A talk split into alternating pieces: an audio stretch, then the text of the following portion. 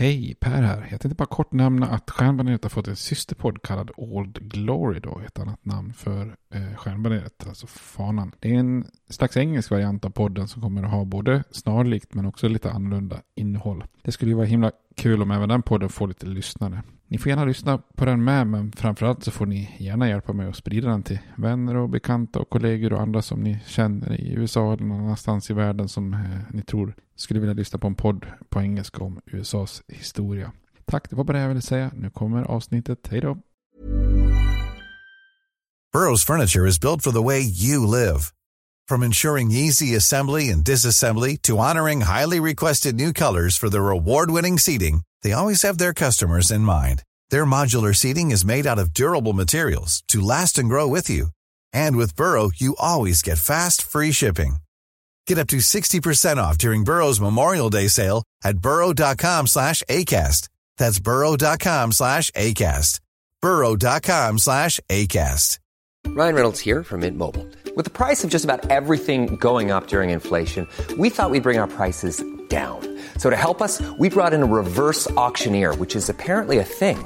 Mint Mobile unlimited premium wireless. Ready to get 30, 30, bit to get 30, bit to get 20, 20, 20, bit to get 20, 20, bit to get 15, 15, 15, 15 just 15 bucks a month. So, Give it a try at mintmobile.com slash switch. $45 upfront for three months plus taxes and fees. Promo for new customers for limited time. Unlimited more than 40 gigabytes per month. Slows. Full terms at mintmobile.com. Millions of people have lost weight with personalized plans from Noom, like Evan, who can't stand salads and still lost 50 pounds. salads generally for most people are the easy button, right? For me, that wasn't an option. I never really was a salad guy. That's just not who I am. But Noom worked for me. Get your personalized plan today at Noom.com. Real Noom user compensated to provide their story. In four weeks, the typical Noom user can expect to lose one to two pounds per week. Individual results may vary.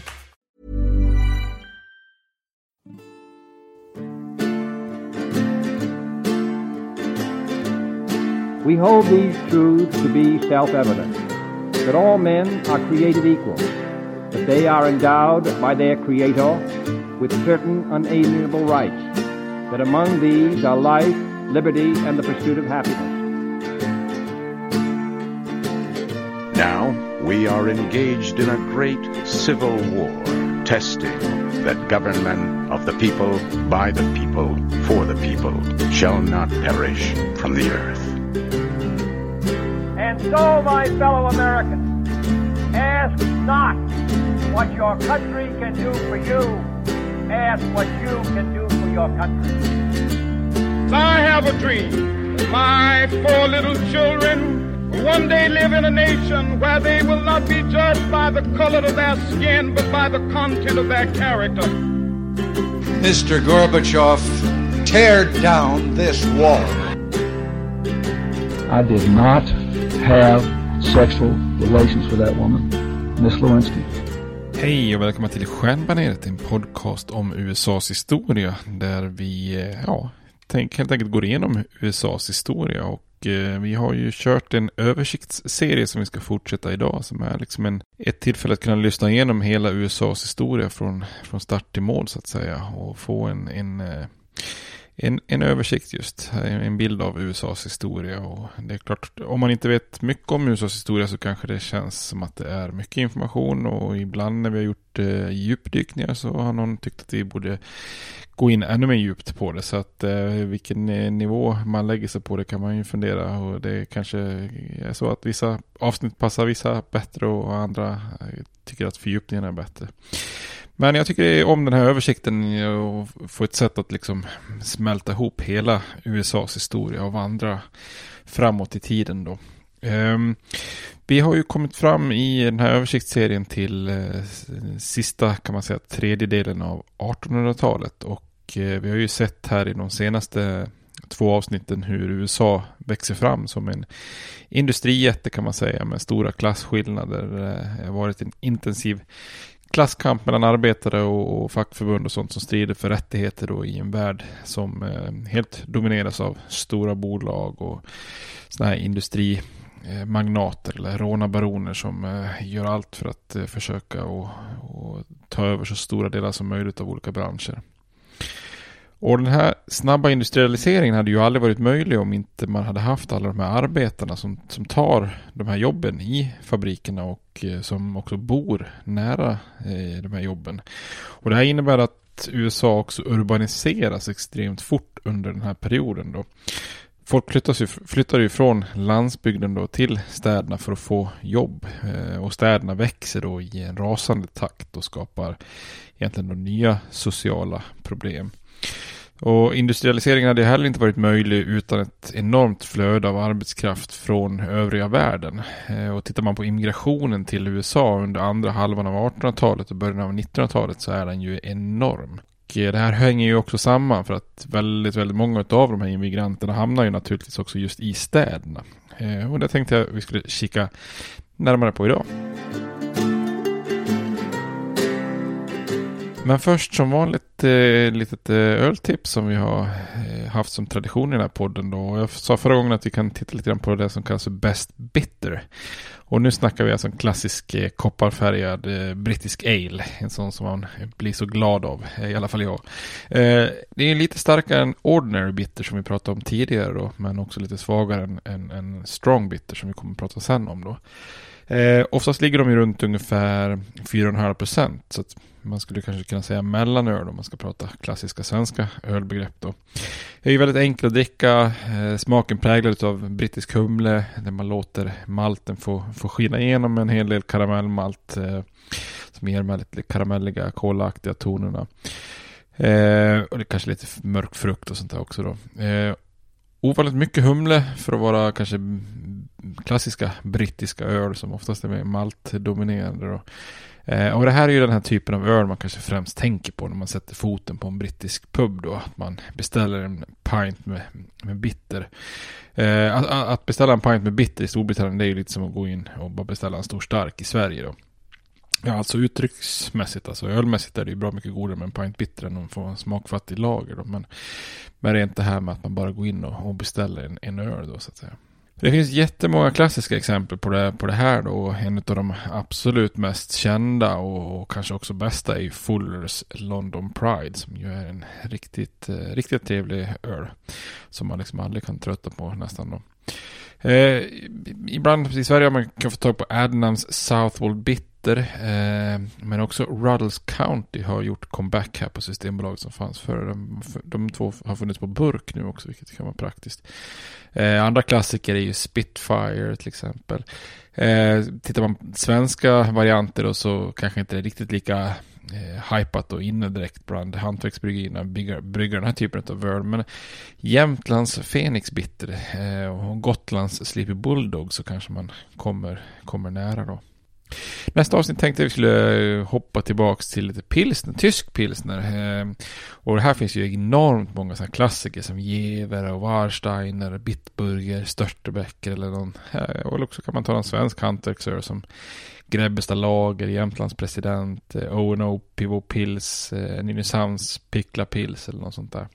Så den är inte så svår att få tag på. Man kan satsa på både en, en tysk eller en svensk i det här läget.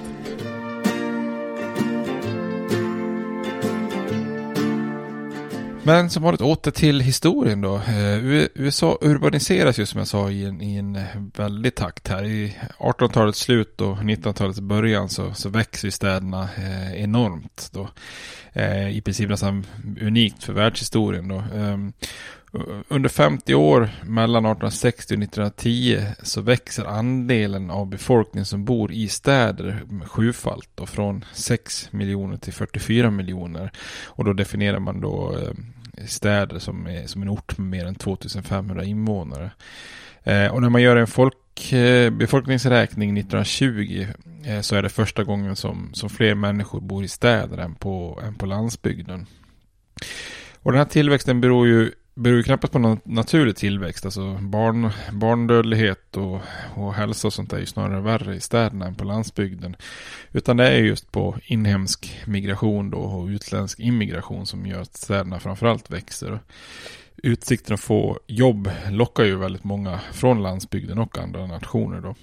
Och vi pratade lite grann när vi pratade om västern, om den här historikern Frederick Jackson Turner som, som reflekterar över att eh, gränslandet i västern är stängt 1890 och han skriver om västerns betydelse som säkerhetsventil och att det här var det viktigt för landets karaktär och ställer egentligen en, en slags oroande fråga om vad, vad ska hända nu med USA då. Men om det nu finns någon slags säkerhetsventil på slutet av 1800-talet så hade ju eh, Turner snarare liksom fått lite grann om bakfoten eftersom det men snarare kanske kan, kan vi skriva som tvärtom då. Alltså flyttströmmarna till städerna var ju betydligt större än flyttströmmarna, flyttströmmarna västerut då.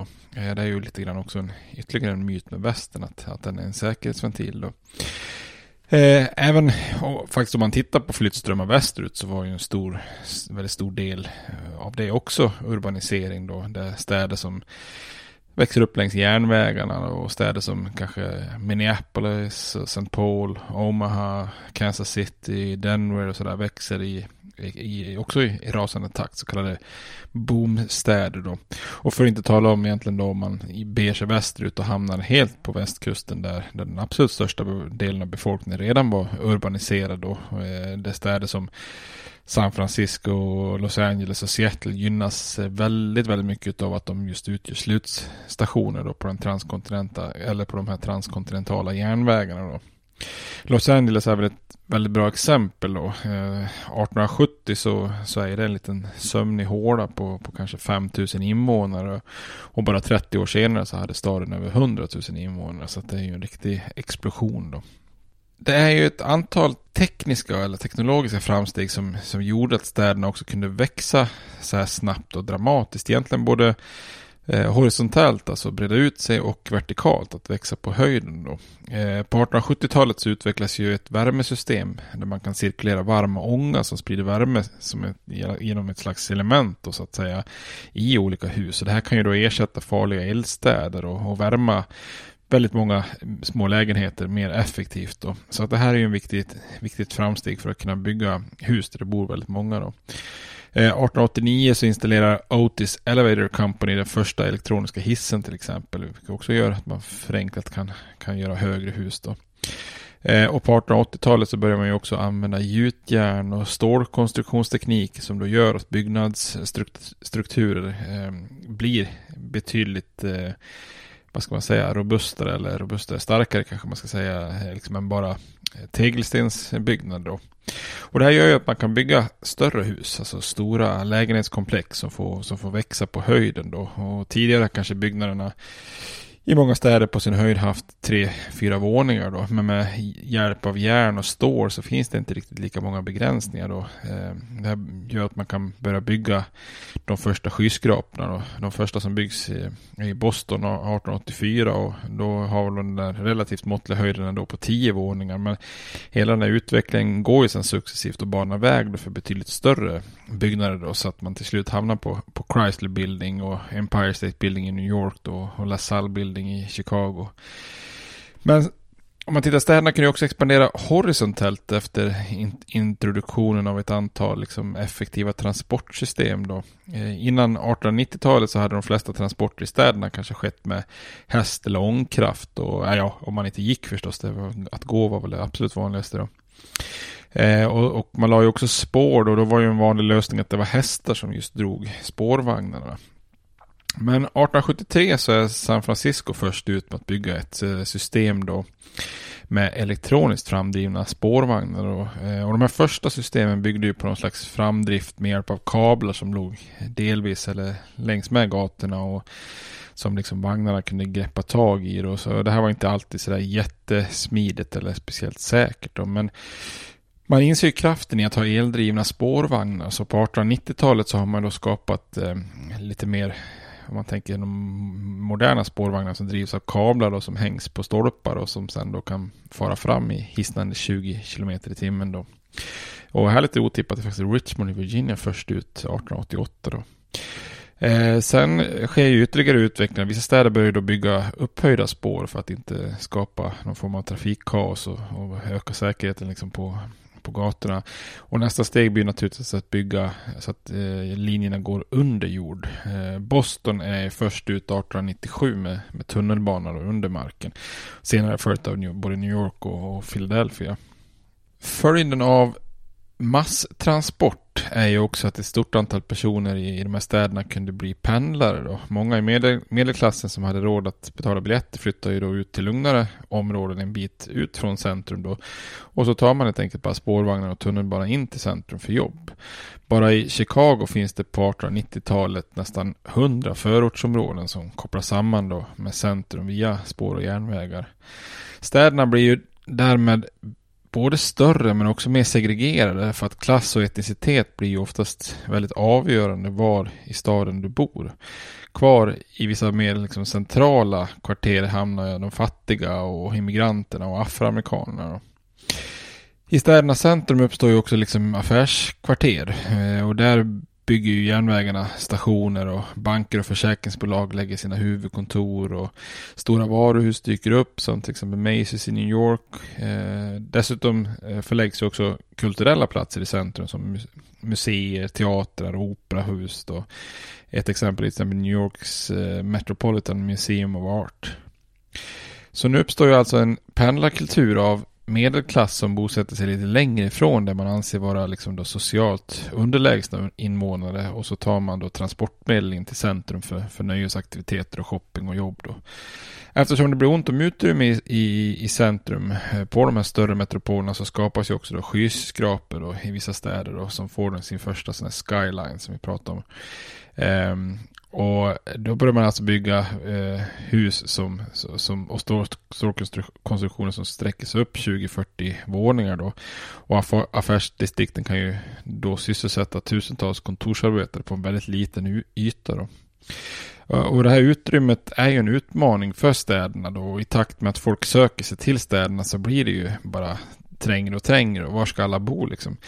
Eh, lägenhetshus blir ofta svaret för medel och överklassinvånare. Alltså istället för att man äger ett eget familjeägt hus så äger man helt enkelt sin lägenhet då.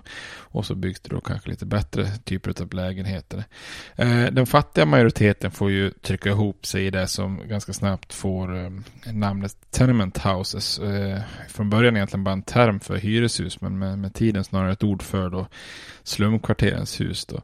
Det skulle kanske kunna jämföras med, med det man idag kallar för the projects, som är ett ord man ofta hör då, vilket ju kommit av något sånt här delvis federalt finansierat husprojekt i många av storstäderna som ofta kallades då housing projects. Så då förkortar man det helt enkelt kort och gott till the projects. Det kan man ju höra mycket, i mycket raplåtar när man pratar om att man, man bor i the projects eller att livet är tufft när man bor i, i the projects. Då.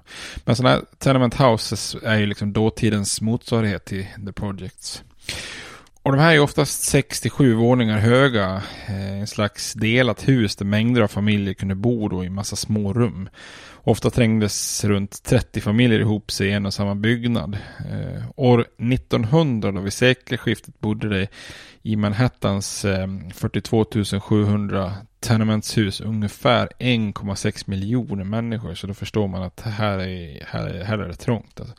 Och i de här husen så bodde ju dussintals människor då i små mörka rum. Från utsidan så kanske de här husen såg okej okay ut. Men beskrivningen från insidan är ju oftast ganska horribel och hemsk. Till en början var det ju långt ifrån alla rum som hade fönster eller ventilation. Men efter krav så fanns ofta små dragiga gluggar då, som bäst eh, och byggdes lite så i vinkel för att man skulle kunna få till något litet eh, utrymme. Men det är knappast liksom något flashigt fint fönster med utsikt om man säger så då.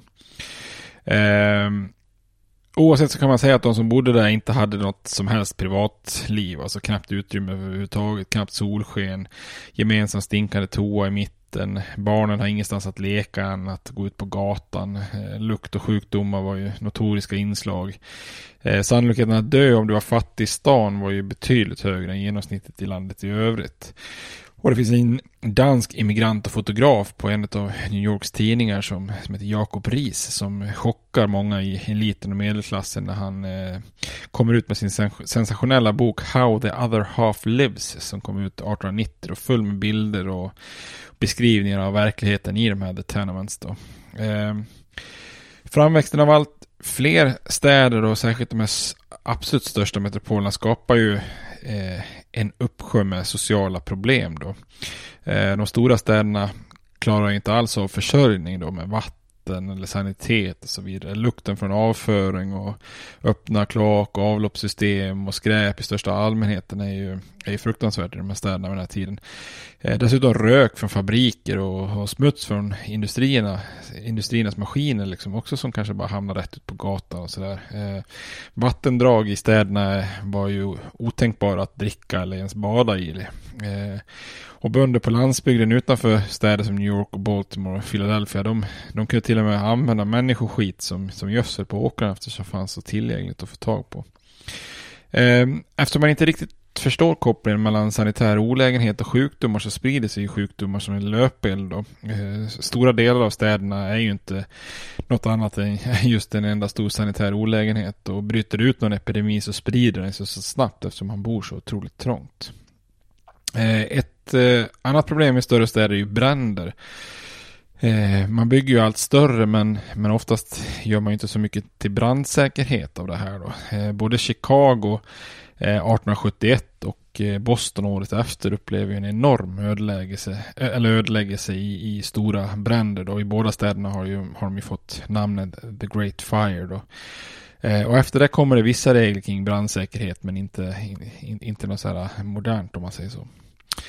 I vissa aspekter försöker man ju lösa sociala problem då, men i en era av liksom social darwinism då som vi pratade om i kring industrier och sådär så, så tänker man ju ungefär likadant med som att det är farliga arbetsplatser att man inte behöver ta hand om de här eh, sociala problemen och sanitära problemen i städerna därför att det, det är ju liksom den starka den starka överlever, det är only the fittest survive. Så att Eh, Eh, det är inte jättestora insatser som görs direkt till det här. Viss typ av hjälp till fattiga, speciellt barn, inrättas och, och likadant på 1870-talet så började man införa system av, av då toaletter och avloppssystem. Men eftersom sopor fortfarande kastas hit och dit så hjälper det inte till en början liksom för helheten. Eh, dricksvatten och sånt där är ju fortfarande lortigt. Eh, och där kan man tycka lite underligt, men sopor var ju på många sätt ett nytt problem. Hade man bott på landsbygden så hade inte sopor varit något direkt problem. Alltså rester kan man ju slänga ut till grisarna. Eh, varor såldes kanske oftast i affärer i bulk och utan förpackning. Man kanske hade med sig sin, sin egna typ av kärl för att, för att eh, frakta grejerna då. Eh, kläder lagas, material återvanns och så vidare. I städerna däremot så slängdes mycket fler saker. Då, flaskor, lådor, påsar, burkar. Eh, vanligt med billiga kläder som slets ut och kasserades. Det är lite mer som ett eh, modernt samhälle kan man säga. Eh, ja, alltså utan sophanteringen då. Så att eh, sop, sopor produceras men in, man kan inte hanteras då. Så skillnaden från ett modernt samhälle. Eller ja, Neapel verkar ju eh, vara ett undantag också. De verkar köra 1800-talsstil. Men det, det, är väl undantaget som bekräftar regeln idag kanske. Eh, men man försöker ju förbättra städerna. Och i New York eh, så gör man eh, ett system av vattenreservoarer till slut. Då, från omkringliggande vattendrag och sjöar. Och även Chicago börjar försöka bygga system så att vattnet kan hämtas från eh, Lake Michigan. Då, så att man försöker göra lite grejer. Och en annan lösning är ju också att börja anlägga parker. Eh, de flesta hamnade i utkanten av städerna och kunde sällan utnyttjas av de fattiga tyvärr i början. Då. Eh, men antalet parker fördubblas eh, decenniet efter 1880. Då. Den mest kända då, Central Park i New York, eh, New York City skapas i och för sig redan på 1850-talet av bland annat landskapsarkitekten Fredrik Law Olmsted eh, som istället för att bara ha en ordnad öppen yta som var vanligast, vanligast tidigare då skapade ett mer liksom, naturligt landskap och kanske därför också som Central Park snabbt blir en av de mest eh, uppskattade i landet. Då.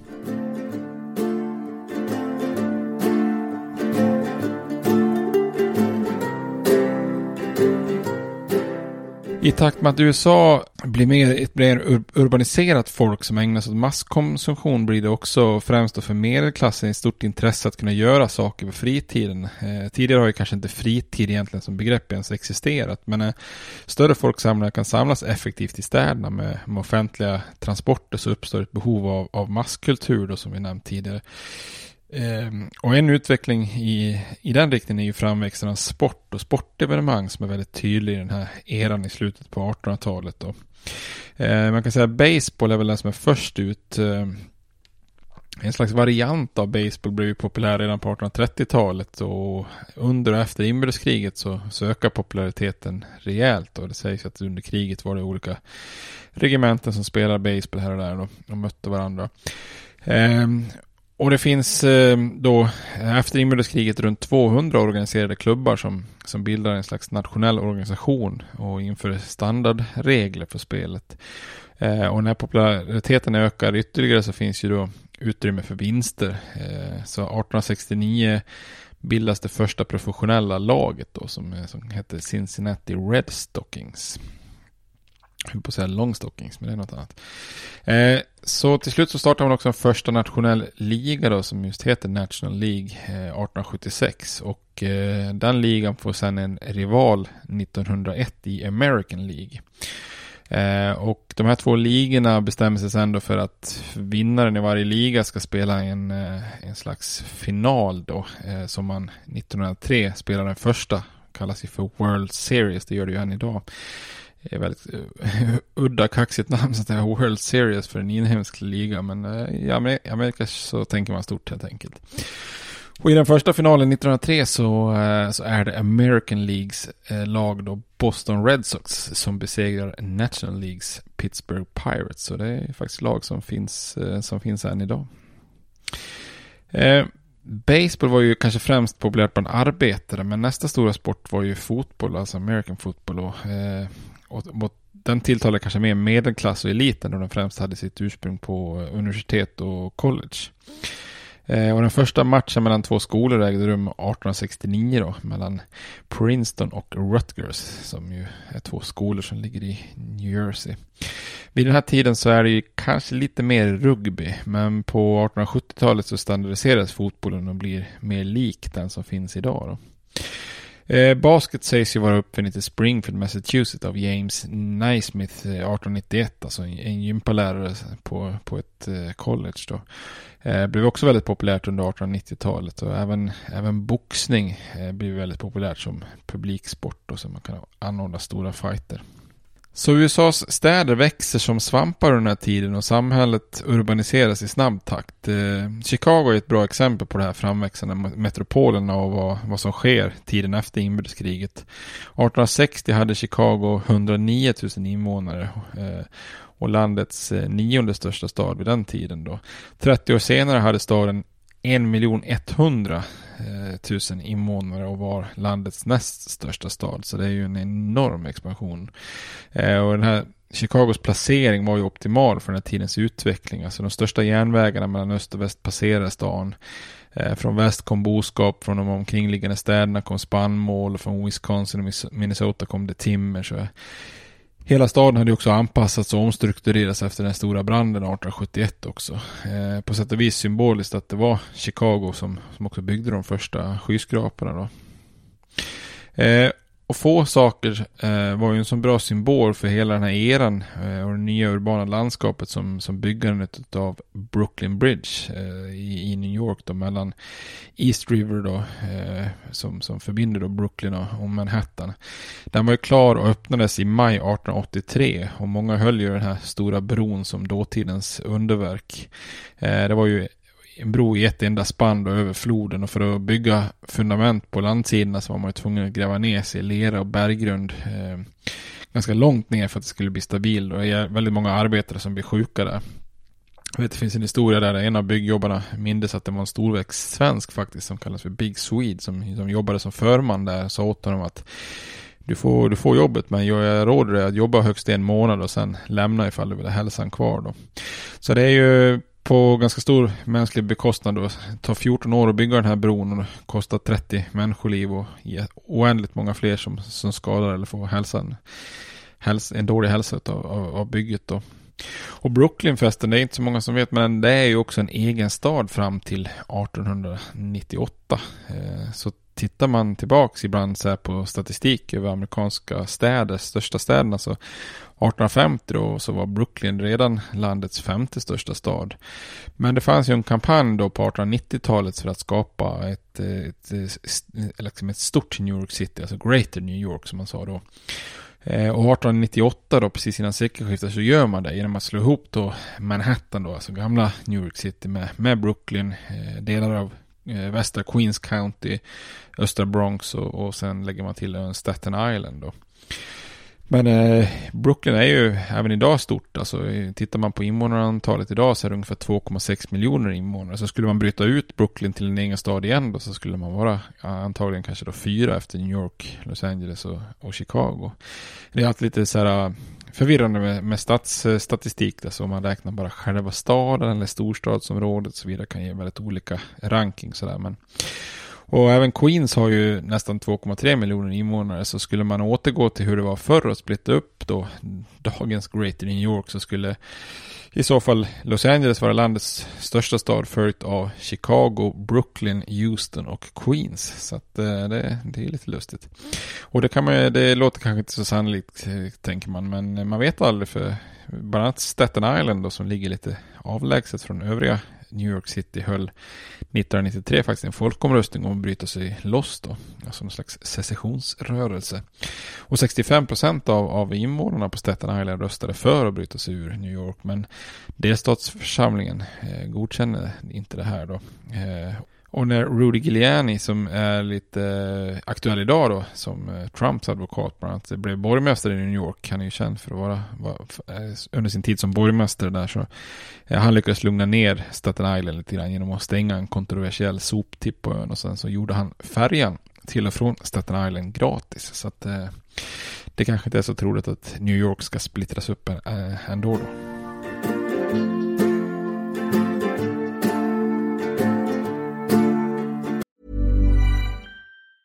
Many of us have those stubborn pounds that seem impossible to lose, no matter how good we eat or how hard we work out. My solution is PlushCare. PlushCare is a leading telehealth provider with doctors who are there for you day and night to partner with you in your weight loss journey. They can prescribe FDA-approved weight loss medications like Wagovi and Zepbound for those who qualify. Plus, they accept most insurance plans. To get started, visit plushcare.com slash weight loss. That's plushcare.com slash weight loss. Hey, it's Paige DeSorbo from Giggly Squad. High quality fashion without the price tag. Say hello to Quince. I'm snagging high-end essentials like cozy cashmere sweaters, sleek leather jackets, fine jewelry, and so much more. With Quince being 50 to 80% less than similar brands and they partner with factories that prioritize safe ethical and responsible manufacturing. I love that. Luxury quality within reach. Go to quince.com slash style to get free shipping and 365 day returns on your next order. quince.com slash style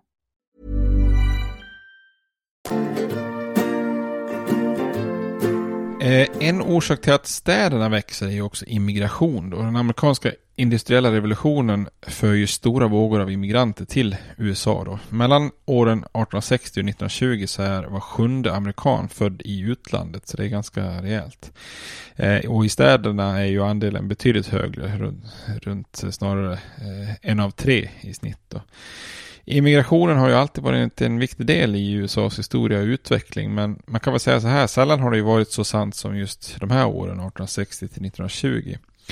Eh, och när man pratar om eh, människor som flyttar så är det ju oftast eh, en kombination av så kallade push och pull-faktorer. Alltså vissa flyr från någonting då, som svältkatastrofer eller brist på möjligheter och fattigdom, religiöst förtryck, eh, politiskt förtryck eller kanske att man vill undvika att få göra tjänstgöring i armén och sånt där. Men många immigranter sökte ju också sig till USA som lockare. Väldigt många industrier, till exempel järnvägsbolag och sånt, skickar ju agenter till Europa för att marknadsföra ja, möjligheternas land på, på en rad olika språk och så försöker man då skriva på kontrakt om att om att man ska då få skriva på innan man ens har flyttat dit att man ska jobba på ett specifikt företag då innan man ens har lämnat hemlandet och ibland mot att arbetsgivaren kanske stod för vissa kostnader som immigrationen då och det kunde vara ett effektivt sätt att liksom kontrollera arbetare. Det liknar nästan den här varianten med kontraktsbundna tjänare som var så vanligt under den koloniala eran 200 år tidigare som vi pratade om när vi pratade om Jamestown och Virginias uppkomst. Då. Inte förrän 1885 så blev det förbjudet för företag att skriva kontrakt med arbetade redan innan eh, man har ankommit till USA. Och siffror över immigrationen är enorma. Eh, det kommer ungefär 3 miljoner till USA på 1870-talet, ungefär 5 miljoner på 1880-talet. 3,5 miljoner igen på 1890-talet när det är då lite lågkonjunktur och sånt. Och sen så pikar då första decenniet på 1900-talet kommer det 9 miljoner immigranter. Och sen ner till 6 miljoner på 1910-talet och 4 miljoner på 1920-talet. Då. Men det här är ju alltså väldigt, väldigt många miljoner människor på, på den här eran. Då. Och immigrationen är inte bara stor heller, den förändras också lite grann till sin natur. Eh, innan 1880 så hade de allra flesta emigranterna varit från Väst och Nordeuropa. Eh, och nu börjar man kalla dem för gamla immigranterna. immigranterna då. Eh, den största gruppen bland de så att säga, gamla immigranterna hade ju varit tyskar och britter och irländare. Och också delvis skandinavier. Men med undantag från irländarna så hade ju många eh, före detta tyskar och skandinavier anlänt liksom då med åtminstone lite besparingar och viss utbildning och oftast tagit sig vidare från östkusten och västerut. Om man tittar liksom på mellanvästern där med eh, Illinois, Minnesota, Wisconsin, Iowa. Där finns ju otroligt mycket tyskar och skandinavier till exempel som, som direkt tar sig vidare då. Men efter 1880 så kom ju då den så kallade nya emigranterna, eh, vilket då var immigranter från Syd och Östeuropa. Eh, de allra största grupperna var ju italienare, ungrare, eh, olika judar från Östeuropa och många slaviska grupper som serber och polacker och ryssar. Eh, och bland de här grupperna var man kanske generellt fattigare och, och helt utan utbildning oftast. Så när man anlände till östkusten så blir de oftast kvar i någon av de här större städerna då, lite grann som Irländarna tidigare. Eh, och efter sekelskiftet så utgjorde de här nya immigranterna över 70 procent av de totala eh, immigranterna. Då. Eh, och den här förskjutningen i immigration mellan nya och gamla vågen eh, hade ju också sina förklaringar. De ekonomiska förhållandena i Västeuropa hade ju blivit lite bättre och bland de som emigrerade valde ju en del också att åka till Kanada och Australien. Då. Samtidigt som var, var ju de ekonomiska svårigheterna i södra Italien och Grekland då, och judar som förföljdes i Österrike eh, Östeuropa och många som flydde inskrivning i ryska armén och så vidare är ju sånt som då bidrar att man börjar komma från de här regionerna. Och det här då i kombination med en amerikansk industri som skrek efter billig arbetskraft blir ju den perfekta matchen då, eller matchningen då. Och immigrationen kunde också öka i antal genom alltså att fler och bättre ångfartyg tog immigranterna över Atlanten. Priset för att ta sig Eh, till USA har det minskat och, och, för bolagen så var ju emigranter ganska händigt så att säga. Det är ju liksom en vara som kan lasta och lossa sig själv i princip. Man bara går ombord. Då. Och många startar ju den här, den här korsningen, resan över Atlanten då eh, i Liverpool och avslutar den i New York. Eh, och till en början så anländer de flesta till Castle Garden på Manhattans södra del. Den här platsen var ju dock inte helt optimal utan där, där fanns det ju massvis med korruption då med nyanlända som lurades på alla möjliga sätt. Liksom järnvägsbolag som tar överpriser för vidare resa västerut, eh, olika bagageförvaringar som utövar utpressning och valutaväxlare med horribla växelkurser med mer och så vidare. Så efter en utredning i kongressen så stänger man Castle Garden 1890 och sen så tar den federala makten över från New York. Och så öppnar man då det kanske mer välkända mottagningscentret på den lilla ön Ellis Island söder om Manhattan då, inte så långt ifrån Frihetsgudinnan. Eh, så runt 5000 personer passerar Ellis Island varje dag efter det. Eh, vissa rekorddagar med, med nästan upp mot eh, över 11 000 eh, immigranter som kommer till Ellis Island varje dag. Eh, och på Ellis Island så får man ju genomgå eh, medicinsk undersökning och en, en utfrågning om vad man har för ekonomiska utsikter och senare förekommer också vissa tester som språktest och så vidare. Då. Eh, framförallt är det ju de fattiga som passerar Ellis Island får man ju säga i och för sig. Då. Första klasspassagerare och sånt undersöktes redan ombord och fick oftast gå i land på Manhattan direkt. Då. Det ska naturligtvis vara skillnad på folk och folk. Eh, för vissa immigranter med lite mer pengar på fickan så kanske inte resan tar slut där och då utan man tog tåget västerut då. Men den allra största majoriteten, speciellt bland de här nya grupperna och bland immigranterna, blir väldigt ofta kvar på östkusten. Ändra kvar direkt i New York eller också tar man sig till någon lite större stad på, på östkusten. Eh, precis som irländarna före inbördeskriget oftast då för fattiga för att ens ta sig vidare. Har man tur när man anlände till USA så fanns det ju någon anhörig där som kunde ta emot redan vid ankomsten och så vidare. Eh, näst bäst är ju att du kanske slussas av någon landsman då som gör att du kan komma i kontakt med den egna etniska gruppen och kanske kunde få förmedla lite kontakter kring boenden och jobb och sånt där. Men många hamnar ju direkt i klorna på organiserade jobbagenter som gjorde sitt bästa för att ja, utnyttja personerna och kanske i utbyte mot lite whisky och att man erbjöd jobb så, så vill man också då ta en andel av, av din lön. I många fall var det också en svår anpassning att komma till USA. Alltså, ganska ofta hade man jobbat inom jordbruk i hemlandet och bott på landsbygden och nu skulle man bo i en storstad och jobba inom industrin. Eh, och som främling i ett nytt land bosatte sig ju ofta immigranterna då på ställen där de kunde leva med, med likasinnade när det gäller språk och vanor och kultur och religion och sånt där. Så att man kanske kan ja, läsa tidningar på hemspråket, ehm, eh, kunna få äta och laga maträtter som man kände igen, eh, gå till kyrkan tillsammans då med rätt religion och så vidare och så vidare. Eh, och av praktiska skäl så landar man ju då lite mjukt i det nya landet om man kommer liksom till, till många utav den egna kulturen då. Kulturchocken blir inte riktigt lika stor då. Och det här var ju speciellt sant liksom i de större städerna där det liksom skapas just etniska kvarter där likasinnade nationaliteter och etnicitet och kulturella grupper höll, höll samman då. Så det skapas ju en massa små Little Italys och Little Hungary, eh, Chinatowns etc. Men, men även då till exempel den här Swede Hollow, Svenskdalen i staden St. Paul i Minnesota är ett bra exempel på det. Eh, I många städer så fortsatte ju den inhemska befolkningen att vara i majoritet men i de här absolut största städerna på östkusten så, så blir inhemska invånarna snart en minoritet.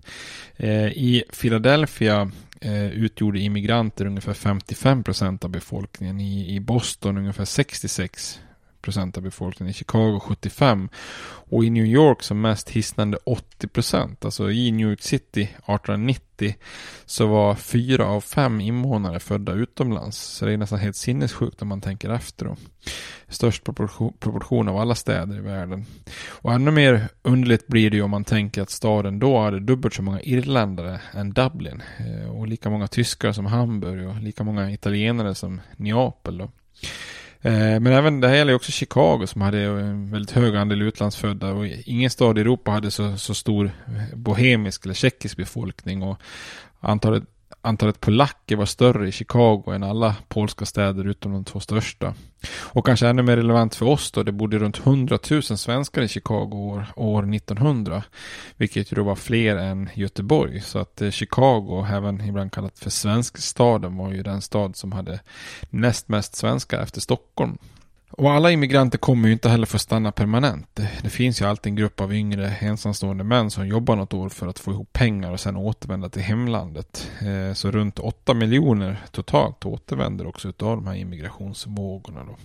Också därför som vi pratade om i avsnittet kring fack och sådär att det kanske inte finns något incitament att förbättra sin vardag allt för mycket liksom utan att man jag ska bara jobba på här tills jag kan återvända till hemlandet.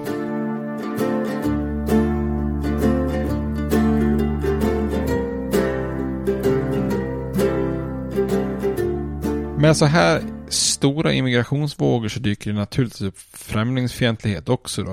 Eh, och precis som att så kallade nativister, nativism som det brukar kallas i, i USA, blev en politisk kraft på 1850-talet när många irländare och tyskar dök upp som var katoliker och sådär som ni kanske kommer ihåg att vi pratade om tidigare innan inbördeskriget. För då bildades ju ett, ett politiskt parti som heter det amerikanska partiet ungefär samtidigt som republikanerna bildades i nordstaterna. Eh, det var de här som kallade sig för Know Nothing. Eh, och var ett, ett, ett rejält politiskt parti på, på 1850-talet. Men nu uppstår ju då liknande rörelser här på 1880-talet. Eh, immigranter anklagas ju för att sänka löner, vara outbildade, dumma. Eh, att, det var, att de är mycket kriminella, att de då saknar det många amerikaner menar var den anglosaxiska förmågan till lag och ordning och förmåga att både styra andra och styra sig själva. Då. Och precis som irländare och vissa tyska katoliker tidigare drabbats av så fanns det också en del religiösa olikheter och fördomar som liksom förvärrar relationerna eftersom väldigt många av de här nya immigranterna är katoliker och judar och ortodoxa så att det blir också en grupp som sticker ut från den här protestantiska normen i USA. Och något som oroar många amerikaner var ju också att de här, många av de här nya emigranterna kom från länder som inte hade en tradition av demokrati då. Man sa, sa allmänt att de hade gjort sig vana att buga inför despotiska styren och det här tyckte man då rimmade väldigt illa med dåtidens USA där liksom politiskt deltagande nådde nya rekordnivåer i val exempelvis i den här tiden. Vi kommer att komma in på det men eh, under den här förgyllda eran så är ju valdeltagandet eh, är ju högre än någonsin i amerikansk politik. Eh, inom arbetarrörelsen och bland fack och sådär så var det ju många som motsatte sig den nya immigrationen. Eh, man tyckte att immigranter var svåra att organisera på grund av språk, kulturella skillnader samtidigt som de oftast kunde utnyttjas av industrierna som strejkbrytare som vi pratade om i förra avsnittet. Det var bland annat därför som man 1885 lagstiftar mot det här med att arbetsgivare ska få importera arbetare under kontraktet som de kontrakt som skrevs på redan i hemlandet oftast fastställer löner på extremt låga nivåer som sen då drabbar andra eh, arbetare i, i USA. Då. 1887 så grundar Henry Bowers en rörelse som heter American Protective Association, eh, APA då. En protestantisk grupp som är livrädda för att till exempel eh, katoliker skulle få kontrollen över skolor och liknande. Och depressionen 1893 som vi också pratat om skapar ju ett missnöje som gör att den här rörelsen får mer än 500 000 medlemmar. Och de lobbar exempelvis för att man ska införa restriktioner i antalet emigranter. Eh, att man ska göra, införa längre perioder för att få bli medborgare. Eh, och också då lagar som gör det svårare att anställa immigranter. Eh, och även vid, vid Harvard-universitetet utanför Boston så skapas en organisation som kallas för Immigration Restriction League. Som då vill ha språktester för att just kunna skilja önskvärda från oönskvärda immigranter. Och de lyckas också påverka politikerna. Kongressen röstar faktiskt flera gånger igenom en lag om att införa språktester för immigranter då.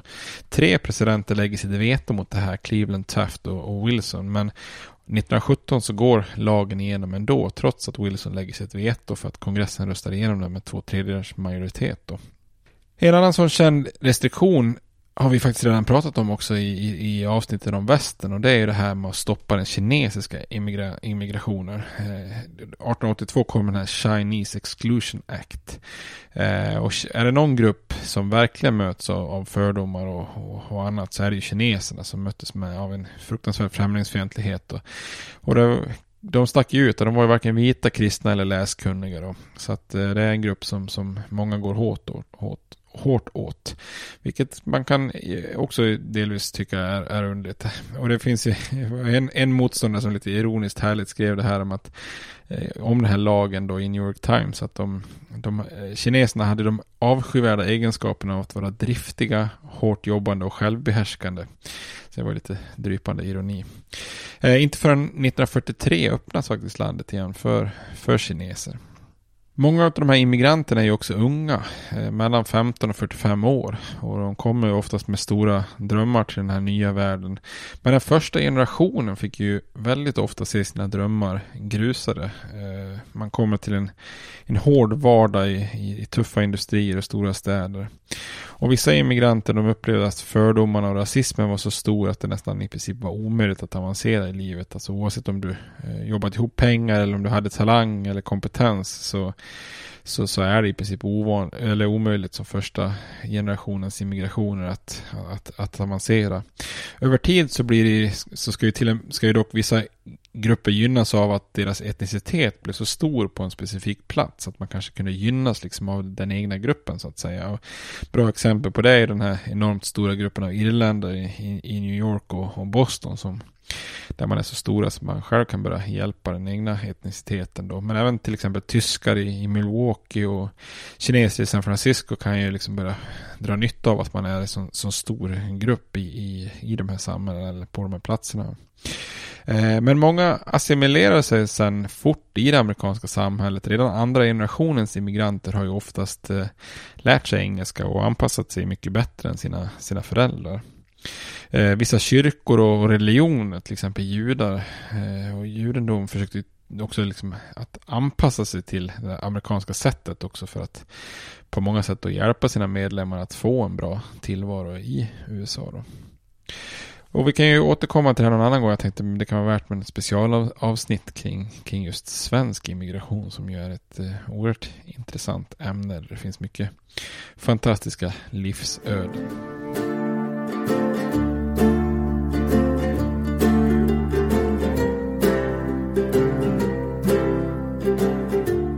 Eh, ett fenomen som uppstår i de här större städerna när de växer sig kaotiskt stora och, och är, är, så kallade politiska maskiner eh, styrda av politiska bossar.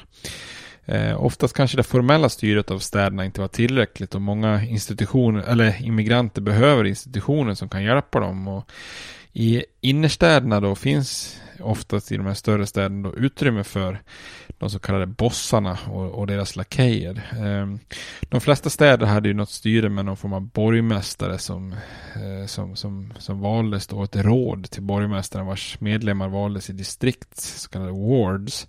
Eh, och de här officiella styrena var oftast otillräckliga för att styra och kunde lätt kontrolleras i så här stora kaotiska städer med alldeles kulturella och etniska mångfald.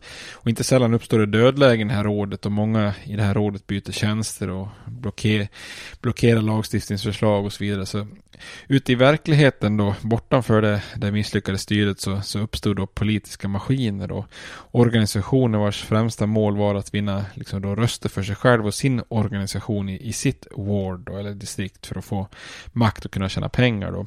Och för att göra det här behövde man då vinna lojaliteten från väljarna och, och så uppstår det kan man säga ett system av tjänster och gentjänster. En sån här politisk boss kunde ju då hjälpa invånare med många tjänster. Dels konkreta som att man kunde dela med sig av mat och kol till de som hade det knapert. Eh, men de kunde också hjälpa till med att skaffa jobb och förmedla kontakter och rädda personer som satt arresterade för mindre brott och liknande tjänster. Och det viktigaste instrumentet för att bygga den här politiska maskinen då, eller organisationen eh, var ju det som kallas för patronage, alltså utnämningar och, och det finns inte något klockrent svenskt ord men man kanske skulle kunna säga att man i utbyte mot lojalitet så Eh, så, och, så ger man då politiska upp, uppdrag och kontrakt till folk för att i sin tur få, få röster då. Eh, lite klient eller svågerpolitik eller gentjänster. Eh, och man kanske, kanske närmar, närmaste någon form av maffialojalitet om man pratar om de här politiska maskinerna i slutet på 1800-talet. Så bossen, de politiska bossarna i städerna hade oftast kontroll över till exempel genom att, att utse poliser och få byggnadskontrakt och sköta den av någon transportlinje och liknande. Då. Och en viktig aspekt av de här politiska maskinerna var ju att tjäna pengar. De, de politiker som kontrollerar de här organisationerna, de här bossen i, i topp ägnar sig åt en hel del korruption och korruption och kunde berika sig själva då. Man kunde exempelvis använda kunskap om var man diskuterade att dra en spårvagnslinje för att då gå ut sen och köpa upp mark och sen sälja med vinst när värdet ökar efter det formella politiska beslutet om att dra linjen där. Eh, man kunde kräva svarta pengar för att någon skulle få ett byggnadskontrakt eller få kontrakt att bemanna en spårvagnslinje eller något sånt där. Ehm, och eftersom städerna växte så, så det knakade så skulle det byggas väldigt mycket. Byggnader, vägar, broar med mer. Så då fanns det alltså enormt mycket kontrakt att locka med och mycket pengar att tjäna. Och en orsak till att det här systemet uppkom med de här politiska bossarna i städerna och att det fick fortgå, det var ju också att de bidrog också med en viss ordning och, och nytta som många uppskattade då. Eh, fick du en korg med, med mat ibland ifall du var riktigt fattig och bossen kanske fixade jobb åt dig eller fick din son ur arresten ja, då är det inte kanske inte så konstigt att man också lägger sin röst på sin boss och att man är lojal då. Så bossens makt låg i att vinna val genom att mobilisera det stora antalet väljarna, eh, antalet väljare i innerstäderna genom att då utkräva deras röster som en slags gentjänst för andra tjänster. Eh, den mest kända och korrupta och kanske notoriska bossen av dem alla var ju en man som hette William Tweed, en eh, demokrat som var boss i New York City och styrde i det som kallas för Tammany Hall på 1860 och 70-talet och demokraternas styre i, i staden då. Och när han anklagades för korruption och mutor och liknande så svarade han en gång lite trotsligt, eh, trotsigt så här eh, As long as I can count the votes, what are you going to do about it? Eh, så att han eh, levde och blev oerhört eh, rik på just den här korruptionen då. Men de här politiska maskinerna mötte ju till slut motstånd från olika reformgrupper som ville komma bort från eh, den här korruptionen som bossarna bidrog med och till slut så går många, många av dem under. Eh, för boss Tweed slutade med fängelse 1872 dömd efter att ha, för att ha förskingrat tiotals miljoner av skattemedel. Eh, och vi kan väl avsluta med en händelse som, som nästan lite kan symbolisera allt vi har pratat om i de senaste tre avsnitten. Eh, och det är när Chicago är värd för världsutställningen 1893. Eh, där man bland annat firar Columbus ankomst till Amerika för 400 år sedan. Eh, han kom ju 1492 så det är i princip 400 år här. Man bygger då ett mässområde genom att fylla ut delar av Lake Michigan för att liksom då skapa ett helt nytt område i Chicago. Och det här området får namnet White City. Eh, magnifika byggnader, små laguner, fontäner, parker och trädgårdar. Lite som den perfekta staden för en vita över och medelklassbefolkningen då.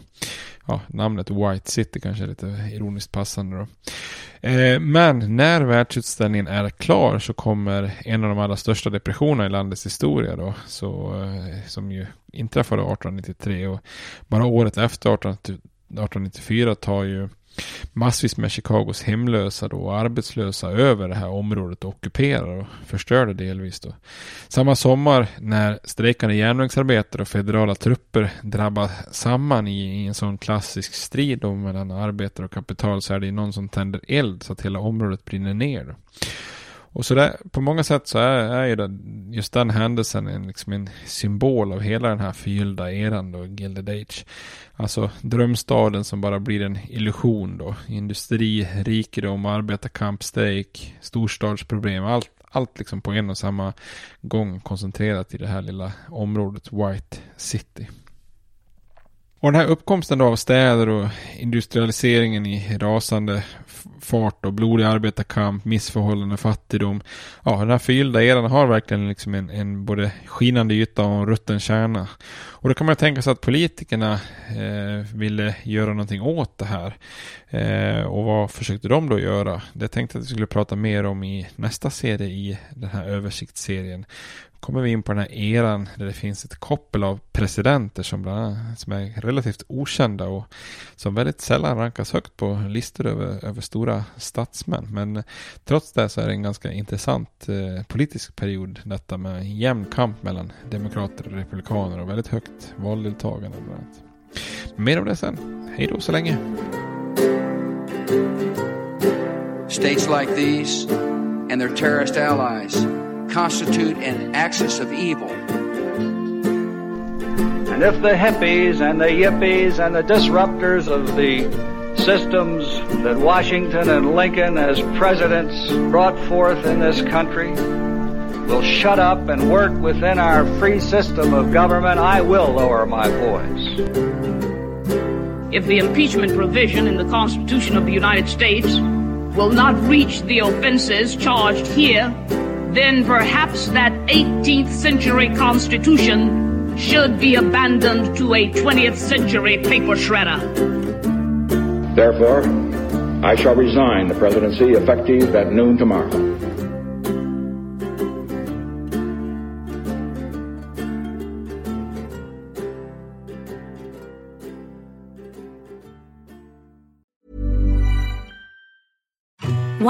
Infant formula companies use organic, grass fed whole milk instead of skim? Why don't more infant formula companies use the latest breast milk science? Why don't more infant formula companies run their own clinical trials? Why don't more infant formula companies use more of the proteins found in breast milk? Why don't more infant formula companies have their own factories instead of outsourcing their manufacturing? We wondered the same thing. So we made ByHeart, a better formula for formula. Learn more at byheart.com. Even on a budget, quality is non-negotiable. That's why Quince is the place to score high-end essentials at 50 to 80% less than similar brands. Get your hands on buttery soft cashmere sweaters from just 60 bucks, Italian leather jackets, and so much more. And the best part about Quince, they exclusively partner with factories committed to safe, ethical, and responsible manufacturing. Elevate your style without the elevated price tag with Quince. Go to quince.com slash upgrade for free shipping and 365-day returns. Planning for your next trip? Elevate your travel style with Quince. Quince has all the jet-setting essentials you'll want for your next getaway, like European linen, premium luggage options, buttery soft Italian leather bags, and so much more. And is all priced at 50 to 80% less than similar brands. Plus, Quince only works with factories that use safe and ethical manufacturing practices. Pack your bags with high-quality essentials you'll be wearing for vacations to come with Quince. Go to quince.com slash pack for free shipping and 365-day returns.